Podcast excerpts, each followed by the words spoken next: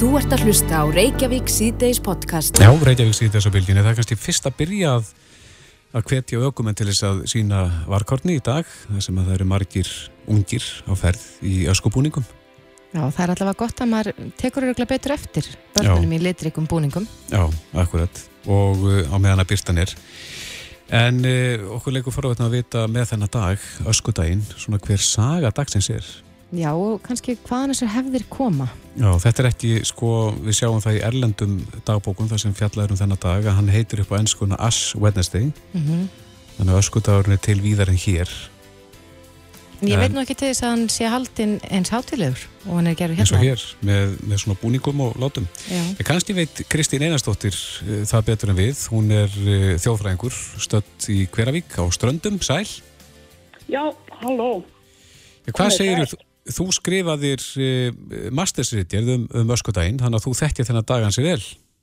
Ég, já, ég ætti að gera það og ég heyrði þið voru að tala um svona uppbrunan. Það er sko fyrstu heimildir hér eru frá, frá svona um síðaskiptin og það voru svona niðurstöður að mögulega hefði þetta verið sko, það var gert með mikið grín að páfadómi eftir síðbreytinguna mm -hmm. og askan er sko svona táknum hreinsun í katholsku trú, fólk er ennþá með, það má ennþá sjá fólk með krossmerki á enni sem sagt og hafi, þá hefði fyrir farið að gera grímað öskunni mm -hmm. og mhm. hún notið í svona stríðnis sem svona stríðnis tákn Já, já, þannig að þetta er haldinu gríndagur Aska í fyrst settu konur sko ösku á Karla einhverstaðar kannski uppaflóti á buksunum eða vasana eða eitthvað og kalla settu steina á konur svo leist byrjaði það sko já, já. Akkurat þarna þá um siðaskiptin á þeim tíma já, já. En hvenar byrjuðum við að klæðast í búningum? Já, það byrjar sko bara um aldamótin 1900 þá byrja krakkar að fara um í einhvern eitthvað slagsbúningum bæði í svona dönsk skotnum bæjum í hérna í Reykjavík og Stykkisólmi, Ísafyrði og Akureyri. En svo var þetta litið eins og svo oft með síði meðan þeir eru þá er þeir litnir hotnaða. Mm -hmm. Þetta þótti vera sem sagt bell og bell er í raun og veru bannað á Íslandi. Hefur þetta verið frá upphafi, Kristi, þannig að, að krakkarnir fá eitthvað? Það er að segja Já, í skiptum fyrir þá söng? Þetta byrjaði þá, þá og sjálfsagt hefur það verið sko áhrif frá Danmörku. Já, já. En svo lagðist þetta sem sagt af, þetta með að fara á milli húsa í búningum, þá nema akkurir. Það er þetta akkuriringar gerðu og enginn er mjög sérstakt sko. Og það staðins útandi, getur endur tekið þetta? Já, þetta var bara, var bara á akkuriri, það fjall niður allstaðar annar staðar. Mhm. Mm Nefnum okkur, heyrist ekki með núna? Jú, nú heyrist vel í þér. Ok, það en, er svolítið vest en með símasambandi hérna. Já, en, en er þetta eitthvað stilt Halloween? Það sem að það er nú óskur svip að þar fara krakkar um í, í hópum í búningum og, og byggðum gott? Já, sko það er bara kannski ekki skilt en þörfin er svo sama, fara í búning, leika eitthvað hlutverk og mér er alltaf fundist það svo mikilvægt að krakkar fái að gera þetta að að fái að fara sjálf. Ég ætla að vera þetta þessu, þessu, þessu hlutverki og fái sjálf að hérna, ákveða hvað þau ætla að syngja velja sér búning og fá að syngja fyrir okkur fólk. Það sé nokkuð svona formlegt. Ég minnst þetta sko stórkostlegu síður Já, og svo er þetta eitt sem hefur alltaf fyllt þessum akkurir og það var að slá uh, köttin úr tunnunni Já, það, það kemur líka frá Danmörku, það var alveg, og það var frá Þískalandi, þar, þar var fyrst slegin sko lifandi köttur úr tunnu og, og svo hrapp og til að byrja með var þetta döður hrapp í tunnunni hér á Akureyri en fór svo fljóðlega að breytast í selgjati. Já. Ég er náttúrulega ánægðið sem hætti því, Já. svona með dýravernduna sjóna með. Nákvæmlega um, sko. En ég man nú vel eftir því sem barna við vorum að hengja svona litla taupoka. Öskupoka. Öskupoka á hvort annað. Ég man ekki eftir að þetta sé ennþá Nei, sko þetta breytist þegar að, sem sagt, fyrst voru þarna kallar að setja steina og konur ösku, svo breytist þetta í það að það voru þar að setja öskuna í litla póka og þeir hengtir í fólk og þessi siður var uh, á fjölmennum sveitaheimilum, þá var, voru krakkarnir að sauma sjálf póka, hengja það á aðra og eitthvað svona. Svo ferðist sá síður út á götur bæjarins og uh, í þjættbilinu og þá var ferð að hengja á lagguna og kennaran og eitthvað svona. Mm -hmm. Og hérna, en svo gerist það og þessi pókars, þeir eru saumaður úr efnisafgöngum sem að voru til á heimilunum. Svo bara eh, gerðist svo, konur bara hættu að sauma. Það, var, það er engin efnisafgangur lengur á heimilunum og það er eitthvað með það að fara út í búð og kaupa þetta. Skólar voru að reyna að fá að halda í þennan sið eins og mjög oft er það verið að reyna að halda við gömlu siðunum með einhverju svona stjórnum og svo að þegar að siðurinn sem færist út á gödurnar að þá hörfi, þú varst búin að sauma kannski þinn eigin póka, fóst með hann og hengdur hann aftan í löggu og hann var horfin mhm, skilur þannig að ég, einhvern veginn þá hvarf þessi siður og þá um leið og hann hverfur að þá breyðist bara út þessi siður frá Akureyri að klæða þessi búning og fara á milli milli hérna búða og syngja já. Þannig að það er eitthvað þróun í þessum. Sérðu fyrir hver þróun geti orðið næstu ár? Er, er, heldur þetta komið til að taka einhvern breytingum? sko ég mérst eitt svolítið merkilegt að nú eru bæði kennarar og starfsfólk í búðum og svona þau eru farin að klæða sig í búninga Já, líka eins og það er nú fallegt að þá er ég ekki alveg vissum að það sé gott fyrir siðin af því að þá dettur út þessi sérstæði sem krakkarnir hafa. Þá er hún allir komnir í þetta þá er þetta ekki mögulega eins spennandi. Ég held að ég veit ekki hvernig þessi siður endar. Mér fannst þegar ég var rannsaka þetta þá fannst mér oft svolítið erfitt að sjá að börnunum var ekki allstæðar vel tekið. Já, sem er sorglegt. Já, það var kannski mannettir í einni vestlun og lögaveginu sem að sem betur fer mannin ekki lengur hvaða vestlun það var. En þá stóð kona í dýrunum og, og segir hérna, fá ykkur nami, ég vil ekki að þið syngið, sko. Já, æ, En, en þau allstaðar, ég sá líka að þau fórin í búðir þar sem að var afgröðslu fólki sagði við erum bara ekki með neitt nami. æ, En þau vildi samt fá að syngja. Það er svo mikilvægt. já, akkurat. Það er ekkert endilega, þeim er alveg sama hvort þau fá eitthvað fyrir eða hvort þau fá gulrætur eða epli eða, Já, en það er allavega gott að börnin fá hans að ráða förinu og velja lögin sem það syngja og, og fá að tjá sig uh, með búningavali. mikilvægt og mér finnst þetta svo mikilvægur síður.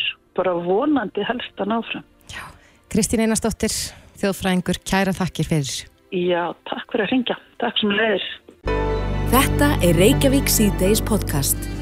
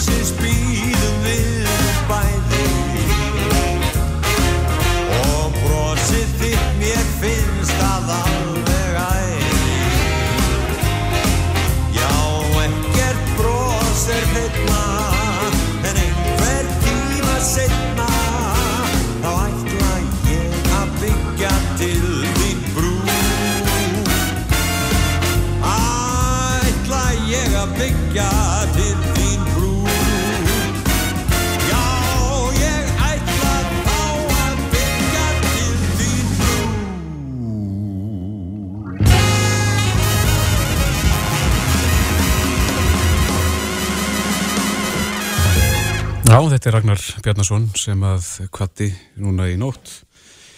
E, og e, ég sé það á fjersbókin að, að hans er minnst ansi víða, það er margi sem að e, eru að rifja upp kynni sinn eð Ragga, en hann er komið til okkar, Þorgir Ástálsson e, gammal vinnur og samfélamaður e, Ragga, velkomin Þorgir minn. Já, þér. og kannski byrjaði að vota þér samúð? Er bara sem leiðis. Þakka þér það, þetta er Raggi náttúrulega þjóðar gersinni Já, fyrir langu. Já, 60-70 ára perill. já, akkurat hvernig, hvernig minnist þú? Já, Um, góðu maður. já, Og uh, hann uh, kendi manni það að, að láta sér ekki leiðast. Mhm. Honum leittist að leiðast. Já. Alveg afspyrnu. Og svona ítti, duglur við það að íta svona alvöru málana frá sér. Mhm. En hann var mikil maðurþekkjari. já. Hann kunni ekki að segja nei. Nei, nei. Hann kunni það ekki, eða hann glemdi því. Já, Það er annarkvort. akkurat. En hann er, er sko uh, það er nú eitt af því sem að maður hérna, hann, hann las mjög vel af því að, að maður nú að syngja hérna að byggja brú mm erlendlag sem að er hann með FIH liðinu öllu og eh, og hann sko hann skinjaði svona hvaða lag gekk undir vissum kringustæðum og ég man eftir því að hann, hann, hann valdi þetta yrkisefni. Að byggja brú, það er milli, milli manna. Það, það þarf, að, þarf, þarf að gerast þú ætlar að eignast vini. Já, þessi stíl sem við heyrðum að náðan, hann hendaði honum mjög vel. mjög vel, þú sér það eiginlega hangandi hendi þegar þú heyrið það. Mhm. það, það er partur af hans svona framkomu og svona undistrykun á því að að vera nú afslappaður. Mm. verð ekki stressaði á þessu. Og hann var bara þannig. Já, en hann átti alveg ofbúslega langan og farsalan fyrir. hann er fættur í Lækjargötu í Reykjavík og enginn datt oftar í tjötnin en hann sem strákur. Og mamma söng í domkirkjunni, var þar fórsöngvar í, í domkirkjukórnum í 45 ár og pappans var stopnandi FIH og stjórnaði e, 15 manna hljómsveit á Hotel Borg, stærsta skemmtist á Norðurlöndum og, og sá maður sem stopnaði félag íslenskra hljóðfærarleikar og kendi mönnum að spila hljóðfæri og, og standa við sitt, hann var harður eh, húsbóndi segja þeir. En hann var jafnframt þannig með músikina ef þetta á að vera eitthvað nöyið ef menn voru að þrasa eitthvað yfir útsetningunum að lögum þá er í farin hann vildi, hann var svona svolítið líkur stráknum Ragnari Bjarnar sinna því litinu til. Ímynda ég mér, ég hitt hann aldrei hann dó frekar ungur úr krabum menni en eh, Ragnar er sem sagt alin upp í tónlist og, og hann svona og svo náttúrulega fer hann eh, sér hann sínar fyrirmyndir Haug Mortens og, og, og fleiri úr uh, líka úr mm, sjómarpi hér og, og það er allt það sem að bandarist er og, og uh, það er sa- sama hvort að það var kakkin eða, eða músikinn svona big band músik en, en svo náttúrulega fer hann í, í í superhljónsveitina Sextet Kristjáns Kristjánsson eða KK-sextetin og þar, þar hittir hann fyrir það fólk sem að síðar um, vo- voru samferðamennans og uh, Elli Viljáms og var náttúrulega svo sem var honum kærust af, af þeim spilurum sem þar voru. En uh, ég held að þið séu allir farnir KK-sextetin nema held ég, já, ég Guðmundur Stengriðsson lifir, mm. trómarinn en uh, nú síðan er hann, reykur hann hljómsveit í, í Reykjavík í 27 ár, er þá á Hotel Sögu og er, er þar e, primusmótor í, í, í skemmtarnalífinu hér í Reykjavík, höfuborginni og enda var og, og Súluna Salurinn svona, svona miðdebil alheimsins í skemmtarnalífi Íslendinga á svona upp á 1960 og og svo lifir hann af svona bylg, bylgjur eins og bítlaæðið og annað. Og hann er alltaf að rekka hljómsveit og það kom eitthvað pínlítið hár en svo, svo stýttist það aftur og, og uh, ég kynnist honum þegar hann svona sem þáttakandi og það er þegar hann eh, mér á bóði í sumagleina Já, því að það er aldrei merkilegt fyrirbríði sem að ágætur vinnur hans og, og samferðamæður í því var Ómar Ragnarsson og er að skrifa mitt bók og um það, taka það, það saman það voru í, Sumargleði tímabilið Já, það, það er líklega átján ára tímabil og, og, og eh, er orðið hansi fyrirfæra mikið þegar við, við mín kynslu kemur inn í það.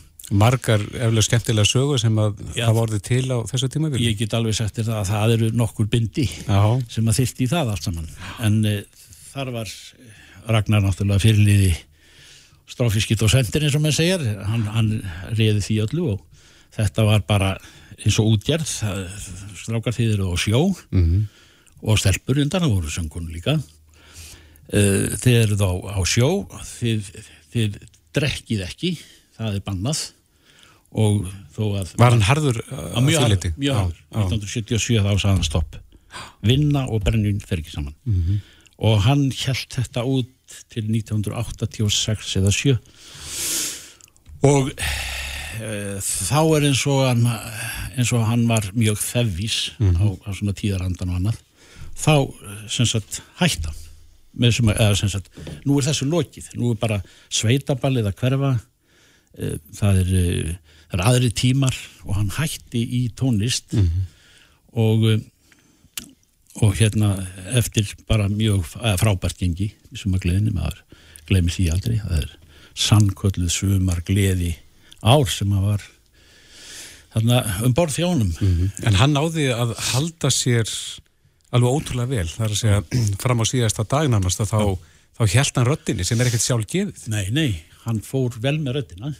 Hann, eh, hann eh, svo er söngvar að segja, hann forseraði aldrei hann ofbauð aldrei röddinni. Vaskaraði til dæmis aldrei og en en mjög mjög hérna, var mjög andum það er líffæri, þó að önnur kannski færi, sko færi ekki eins mikið eh, fyrir því eins og holt mataræði eða, eða reyfing og, og, og annað sem að sem hann nefndi ekki. Nei. eða, nei, hann, hann honum farnaðist ágætlega og, og hérna, þegar hann er sjötur þá kallar hann í mig og til þess að hjálpa sér að að, að þetta er að verða lokið þá, þá hérna þá vildi hann halda og hjælt uh, sjötu samalið á Hótel Íslandi og um, Jóla í Laudal og, og, og gerði það með pomp og prakt og við gáum út pl fyrstu plötu hans á þessari öld sem örður nú reyndar fimm Já, en að þú segir hann hafi verið þevís.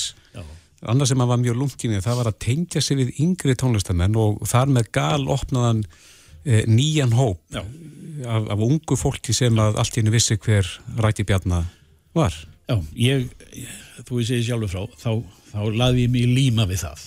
Þegar hann kom aftur inn á sviðið og fann, fann ég hljómgrunin Já. og, eh, og ah, komst að því að allir sem ég talaði við verður til að syngja lag með rakka. Já, erpur, að rappa með honum, já, ekki málið, alveg sama hver var og, og hérna, og honum fannst það gríðarlega gaman, hann hann hérna söngu, tók utan um Leiló eh, þannig týnist tíminn og, og sagði sko, hún syngur eins og ég vil og hún syngi þetta ljóð með mér. Nánast talar það. Það er svona annar söngstíl og það gekk allt upp. Bara svona. Og hlutinni þurfti að ganga fljótt fyrir sig. Ekkert lesin engin leiðindi. Eh, segir ekki allt gott góðurinn. En þú horfir á eftir góðum vini og þjóðin horfir á eftir þessum ástsala söngvara. en hann er með sko í eh, sko hann er, hann er eh, það er allar kynnslóðir hljómlistamanna sem þekkja hann og hafa tekið þátt hafa tekið þátt í, í hérna í hljómleikum eða hljóritunum alls konar sem hafa vinni með hann og ber hann allir sögum söguna Mm. og hann, hann bara, hann gatt unni með hverjum sem var hverjum sem var Þorgir, takk fyrir að koma Já, og mín er ánægn. Ég reyndar oft komið hérna en, en ekki því miður, eða sem betur fer ekki oft í þessum tilgangi. Nei, akkurat. En við ætlum að heyra við slóðum að þráðin uh, á bestastæði dag og fengum Guðnati á Jóhannesson uh, fórsetta Ísland til þess að minnast hans í nokkrum orðum. Já, nú minnumst við Raka Bjarna. Hann var mikill öðlingur og ljúlingur og uh, ég uh, kynntist honum nú ekki nema núna síðustu ár en það voru ljúf kynni get ég sagt ykkur hann uh, söng á afmælistægin minn 27. júni 2016 og það var að kjördegi loknum og, og uh, ég á góða minningar um Raka Bjarnar og blessu þessi minning hans. Það er, er svo margir núna sem minnast hans og, og kannski helst líka húmórin auðvitað var hann frábær tónlistamæður og eh, skemmt okkur í uh, tímans rás en hann var svo fyndin, hann var svo launfyndin og hann kunni svo vel að gera líka gís að sjálfum sér á uh, góðlátlegan hátt. Þannig að maður gati ekki annað en þrifist með. Og uh, kannski uh, líka hvað uh, hann hafði vítt tónsvið þegar svo maður segja, hann gæti ekki hvaða lag sem er og gert það sínu. Hann söng Smells Like Teen Spirit lagið hérna með Nirvana. Og verði ekki að horfa svona alltaf á mig og, og auðvitað þannig tímins tímin með, með hérna með Leilo, lagið hans Bjartmas Guðljófssonar eitt þeirra laga sem hafa náð inn í íslenska þjóðasál og uh, það er viss fegurð í því að síðasta lægi sem Ragnar Bjarnason söng fyrir okkur var lag Allar einis heitins og þar söngan Allar mínar götur, öll mín gengnu spór að lokum lágu inn í þennan garð. Og já þannig týnist tíminn. Blessu sem minning Raka Bjarnar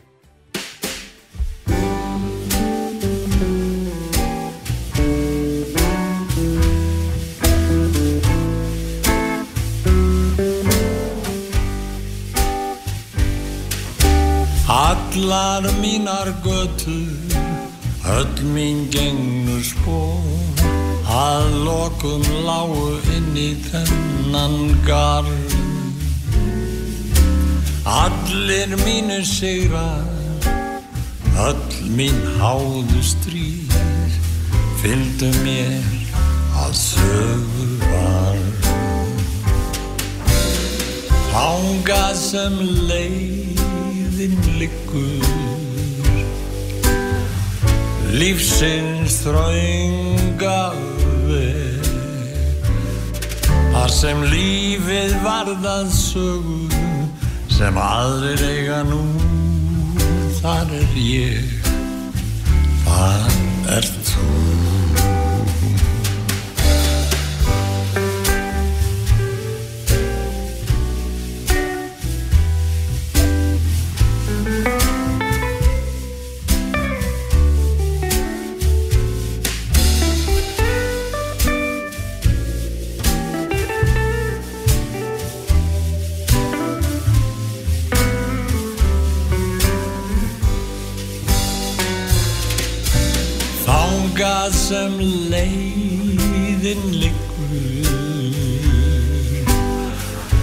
Lífsins þrönga veg.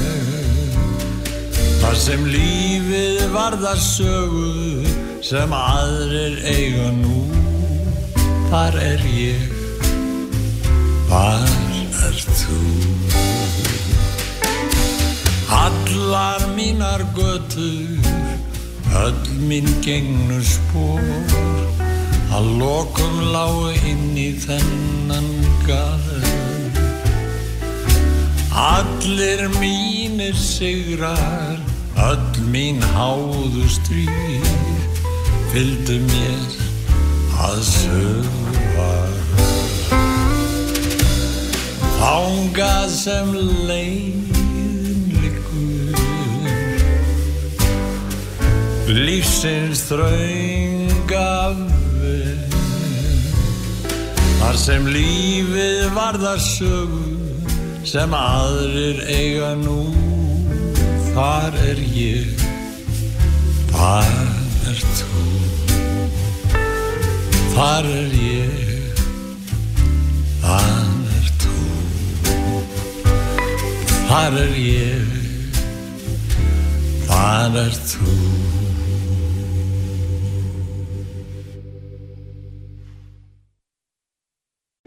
Þú ert að hlusta á Reykjavík C-Days podcast. Jæja, Reykjavík síðan þessa bylginni, það var frétt eh, sem maður finna henni á vísi.is eh, núna 23. eh, februar sem að segir að að rífilega einna hverjum sjö drengjum á aldrinum 10 til 14 ára notar ADHD lif við ofverkni og aðdeglispresti. Notkum barna og fullorðan á lifinu jógst um tæplega 10% í fyrra miða við árið undan og um 150% á síðustu 10 árum samkvæmt nýri samantækt landlæknisembætisins og fyrst og fremst er um að ræða uh, lif eins og til dæmis Rítalín og Concerta. Og í samatektinni kemur fram að fjöldi notenda hefur verið rúmlega 5.000 árið 2010 en í fyrra voru notendur orðnir rífilega 14.000 og það má svona lesa mellir línan að, að þetta telst ekki ásættanlegt að uh, þessi notkun sé komið svona aðeins kannski uh, fram úr því sem eðlilega getur talist. Mhm. Og kannski rétt árið við vöðum aðeins lengra inn í þessu umræðu þá, þá nefndi ég hérna áðan að ADHD væri sjúkdómir, ég held að þá nú kannski aðeins farið fram úr með það líka. Þetta er hérna Geðröskun. Já, akkurat. Þannig að við höldum því til haga. En, en svo byrtist grein inni á vísi.is sem að Anna Tara Andrisdóttir skrifar. En uh, hún er mastersnemi í rannsóknarfræðum í sálfræði. Er stödd í Barcelona núna uh, einmitt um þetta efni og Anna Tara er á línunni, kom til sæl Sæl. Takk, Sæl. fyrir, takk fyrir að hringja. Já, sælvertu Anna. Eh, Þú, Sæl. þessi grein sem þú skrifaðir, hún var ansi aðteklisverð og þar talar þú meðal annars um sko aukaverkanir af því að leifa með eh, ómeðhöndlaðan aðteklisprest. Einmitt. Að mínum að þá eru þeir mun meiri en aukaverkunir að því að taka leið að því að það er náttúrulega þunglindi og kvíði er mjög algengt og svo getur það gróðst út í mótrúð, þrjóskuröskun og fíkn og svo framvegis. mm En þú segir í fyrirsögninu að það séu tengsl að milli Livjana og svo minkandi glæpatíðni Já, af því að það var einn rannsók sænsk sem ég fann svolítið áhugaverð þarna. Uh, og líka bara ef maður skoða það með þetta að sé hvað minnsta, minnstalagi minnstakosti 25% þeirra sem eru fangir sem eru með aðtillisbröst. Þannig að ég tekið það fram til að, að reyna að fá fólk til að taka aðtillisbröst alvarlega. því að Það gerir það ofta ekki. Áttu sig ekki alveg á því hvað fjölskyldur eru ofta að glíma við. Mm En ert á því Þannig að, að- já, þú segir hérna fyrir ekki annað að eh, sagt ómeðhandlað ADHD kostar samfélagi talsverðna pening Já. og, og jafnvel þá meiri pening eh, heldur en eh, þjóðfélagi þarf að standa ströym af þessum lifjum. alveg mun með, held ég. Það, það ég held að sé enginn búin að taka saman tölur á Íslandi en ég setti þarna í heimildir tölur frá Ameríku en ég held að viti flest eitthvað fangilsi einu og sér eru dýr uh, og svo náttúrulega margt, margt fleira. Uh, vistu, úr atvinnlaus og borgar ekki skatta eða og svo framvegis. Mhm. En er það, ert þú, ert þú á þeirri skoðan Anna að, að núna var þessi frétt nú kannski með svolítið sláandi tölur þessi frétt sem þú vísar í og Kristoffer vísaði í hérna rétt áðan? Já, mér er það ekki svo sláandi. Nei, ok. Það er kannski mismunandi hvernig maður lítur á það. Eins og ég segi greininni að- þá finnst mér skrítið að tala um aukningu á taugatórskaraskunn sem er tiltúlega ný uppgötu.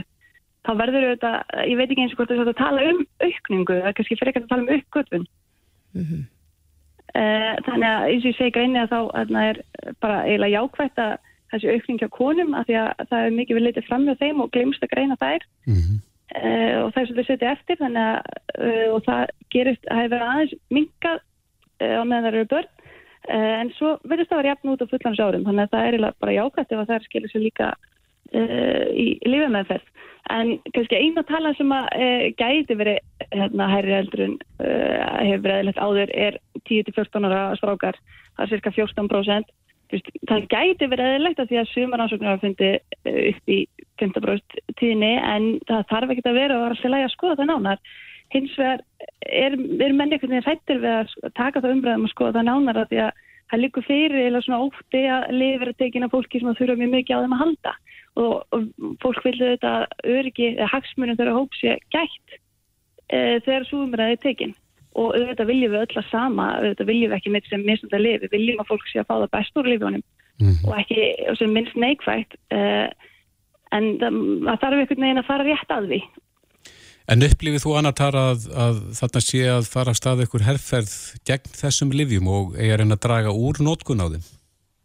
Ég held að svo herrferð hafi verið lengi í gangi. Já, Það, það eru miklu fordómar við að í hátíð og það þykir einhvern veginn, það er svolítið svona gamaldags viðhorf þegar það kemur að uh, einhver sem er talið vera sálfræðilegt, að þá eigi bara harkað sér og það þurfi ekki lif og, og eitt og þetta, en ef þetta væri hjartasjúkdómur þá myndi fólk ekki hika við að taka lif og þessi lif geta hjálpað heilum barna að þroskast. Nei, þannig að þau séu þá með færri að í hátinginu þegar þau verða eldri. Og ef við varum að tala um bat sem væri kannski með eh, ekki alveg fulltrósku lungu, þá myndi fólk ekki hika við að gefa þau lif. En um leiðu þar orðið eitthvað sálfræðilegt að þá er einhvern veginn meiri skömm yfir því. Og svo þetta er á áhættan uh, við því. Sko fólk með ADHD er ansvöndu sína að að lifegjöf batna eigur alls ekki líkur á því að þau glými við fíkn setna meir. Heldur frekar er það öfugt. Þau séu líklegir til að glýma ekki við af því að lifin gera verkum að maður hefur betur sjálfstjórn og lífi gengur líka bara betur og þarf, að flýja, þarf ekki að flýja það. Um, en auðvitað geta verið aðri líka sem að vera misnund að lifin og það er um að gera að skoða það. Við viljum það þetta ekki og ég hef tlæmis heitt áhugjur af því að að séu fóreldra að misnund að lifa batna sinna sem, að mista alveg rétt með áhugjur og, og, og allt í lagi að skoða og þá er þetta að finna lausnir á því eins og til dæmis að skólaði vild hafi umsjón með, með batnana en einhvern veginn ekki, þá ekki að bitna þetta á barninu að fyrir að lif sér, að þau fá það ekki lif, það var eiginlega versta sem að kemur fyrir það ef að, fólkdraurinn þeirra að glíma, nú þegar að glíma það fík. Akkurat, en þú segir hérna í greinina að þú viljið þróa umræðan úr því sko hvort að livjögjöf sé ein og sér neikvæða jákvæð yfir það hvernig við getum aukið þekkingu fagaðila og lækna og almennings á ADHD. Hvernig Já. leggur þú til að þetta sé gert? Já, mjög margt. Ég, ég býð mig hér með fram að vera með sjónstætti sem að myndi þannig á til almennings. Ok. um það. Uh, síðan hérna er umværi hægt að mikla fræðslur. Er, það er líka að tala um að, að því að læknar og margir voru kannski í læknisfræði fyrir, fyrir mörgum árum og það er eðlilegt að, að tala um reglulega endum endur lækna. Þannig að námskeið í því já, væri eðlislegt og síðan líka fagaðilega uh, eins og til dæmis uh, sko, já, lifin hafa vendandi áhrif fyrir svo mörgu. Til dæmis eru tengsl með ADHD og búlimíu af því að um, léli sjálfstjórn getur líka tengst í að er upp með að hætta að borða. Jáfnveg þú er langi enda líf matinn. Og nú er það búin að samtækja elvansi sem er eitt af örfunda lífjónum sem meðferð við, við búlimíu þannig að ef aðtilsbörstur uh, er partur af búlimíunni að þá uh, verða faglega að vita því já, akkurat. Og svo mætti lengi telja að líka bílslis, uh, aukin bílslisa hætta og lifegjöf verið draga úr þeirra hættu, verið líka með draga úr glæpatíðinni sem ég tók fram, dregur úr sjálfsmorðum og, og, og fíkn. Já, það er endalust. Akkurat.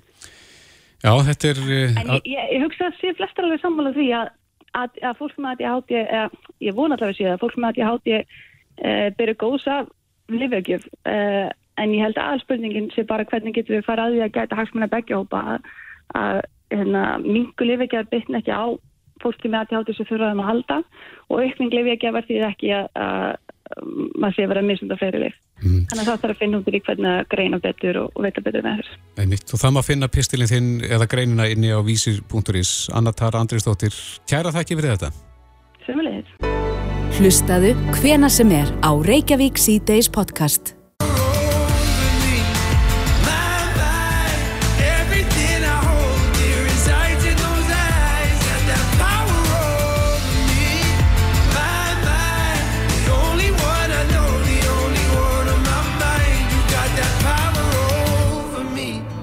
Já, Reykjavík Cities, klukkan er hálf sex og við höldum áfram. Núna ætlum við aðeins að snú okkur að mannanafna nefnd. Mm Já, það, við höfum reynda rætt þetta áður, það er þess að tilugur e, dómsmálar á þræð að leggja niður mannanafna nefnd en nú er sem sagt máli komið inn í samráðskáttina og okkur skilst að það sé komið eitt eða ein umsögn. Já, allavega síðast þegar ég uh, skoðaði þá var komin ein umsögn. Já, Áslögu Arna Sigurbjörnsdóttir, dómsmálar á þræð, sæl.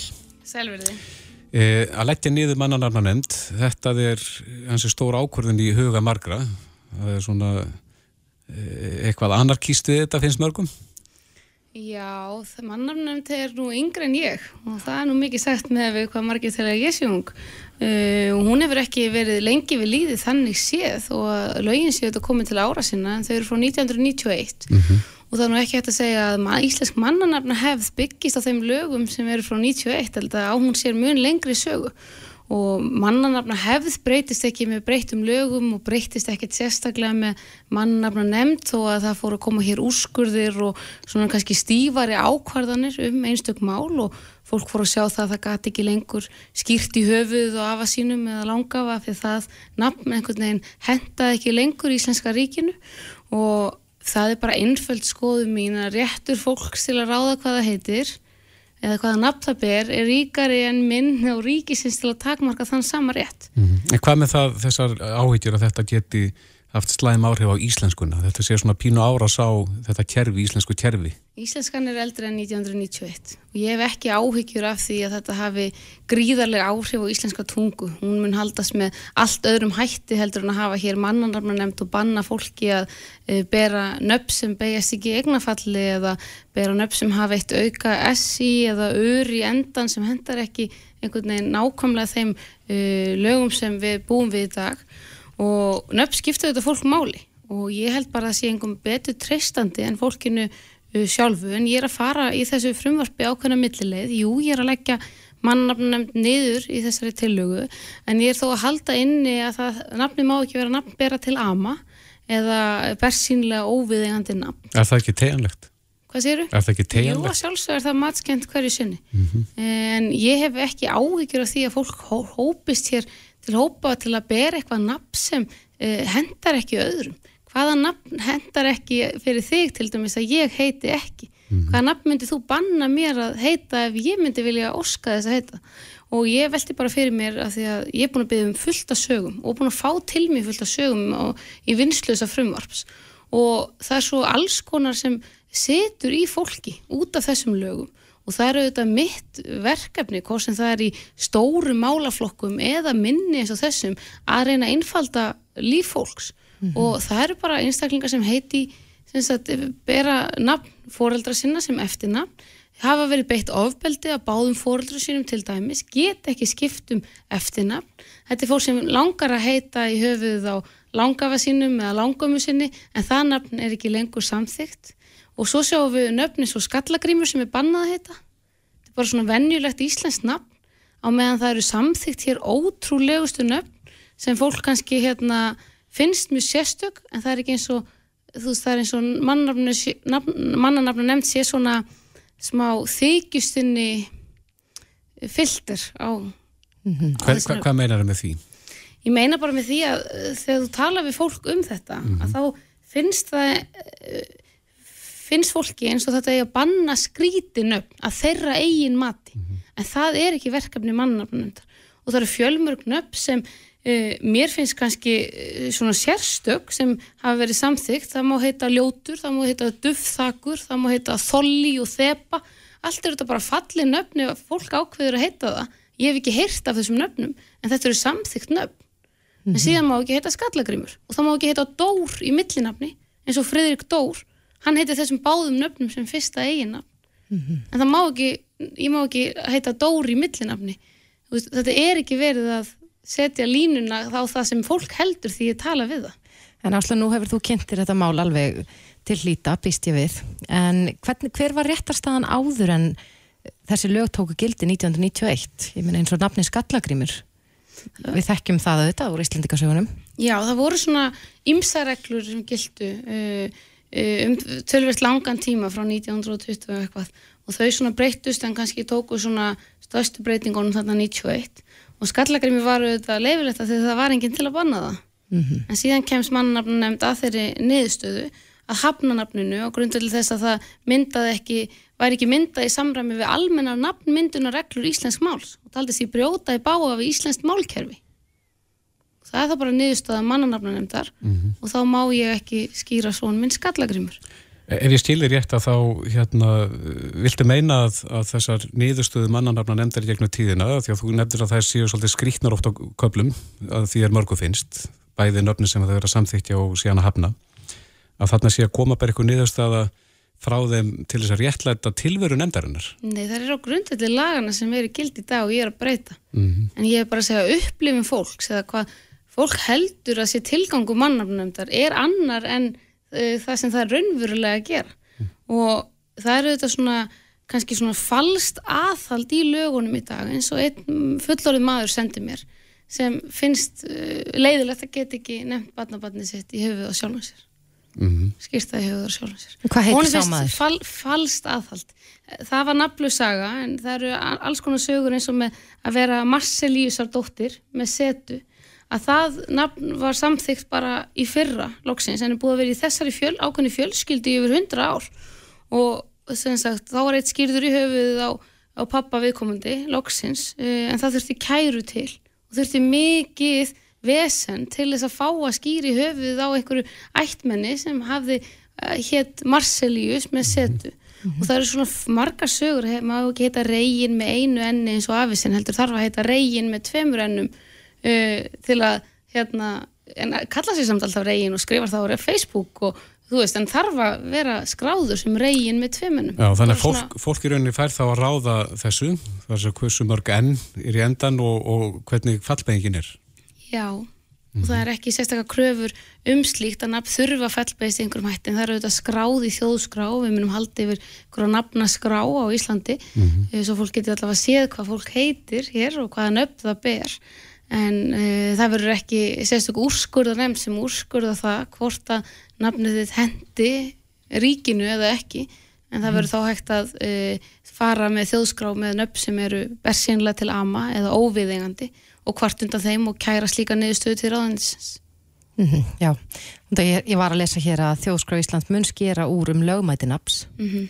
þannig að ef að, ef að eh, nafn er til dæmis barni til ama eða gæti orðið það síðar mér að þá er það Þjóðskrá sem að, að Já. ákveður það Þannig að výlinan er færð frá mannarnamlunen til þjóðskór. Já, með þessum að, að, að, með því að maður sé að ringa allar heimildir að þá býst maður nú við því að það verði mun færri ágreiningsefni sem standa út af. Já, en ég held að, að Íslendinga séu svona upp til að hoppa í er, Meiri hluti samkvæmt þeim könnunum sem hafa verið gerðar síðustu árin af því að þetta mál hefur verið unni lengi og það hefur ímislegt farið í samráð og gert ímsa kannanir Mhm. að þá er samt meiri hluti þjóðunar til í meira frelsi Í mismikið meira frelsi kannski Mhm. við höfum þetta samþitt lög hér um kynrænt sjálfræði þannig að það stingur auðvitað smá í stúf og fólk geti ráði sínu kyni í skráningu en ekki sínu eigin nafni og auðvitað er þetta bara í takt við aukið frjálsræði við breytingar á samfélagin okkar að rýmka þessar heimildir og frumvarpið gengur út frá